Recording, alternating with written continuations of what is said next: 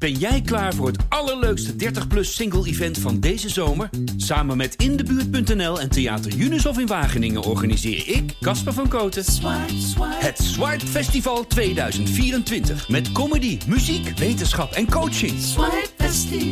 Maar vooral heel veel leuke mensen. Bestel nu je kaart op swipefestival.nl. Swipe, swipe. Ik las vanochtend dat een Deen in Noorwegen vijf mensen heeft vermoord met een pijl en boog. Ik dacht, dat krijg je ervan als je met een joint in je hoofd zes weken lang onafgebroken naar Lord of the Rings kijkt. Daarin figureert een elfenkoning die vanuit alle standen pijlen in de nek van trollen en olifanten met het hoofd aan een varken schiet.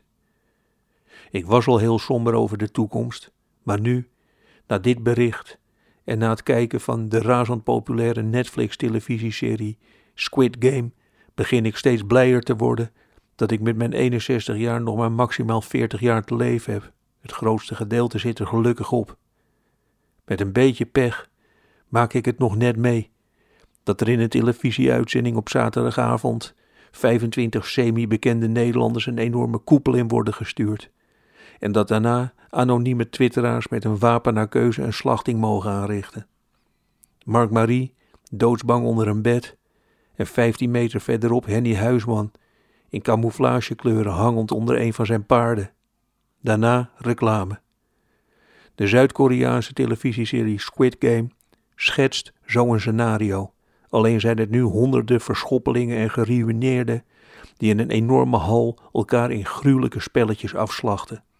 Wie als laatste overblijft, krijgt miljarden. In de juichende recensies wordt geschreven dat op een visueel aantrekkelijke manier de eeuwige zucht naar roem en rijkdom op vernuchtige wijze wordt geridiculiseerd.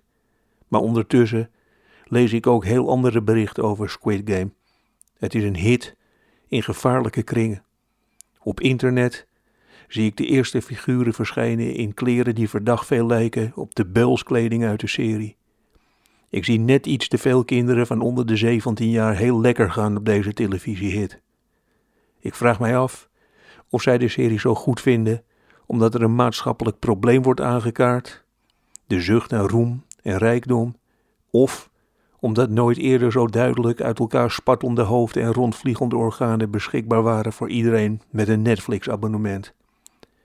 Wat ook niet helpt, is dat het Koreaanse geschreeuw en het larger-than-life acteren hier in Europa nogal absurdistisch binnenkomt.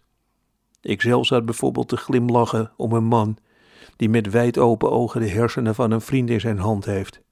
Daar schrok ik van. Als ik mij niet vergis, is Squid Game de aankondiging van een eindeloze reeks aanslagen en brute moordpartijen. Maar dan wel eindelijk eens een keer leuk gekleed in een roze kostuum.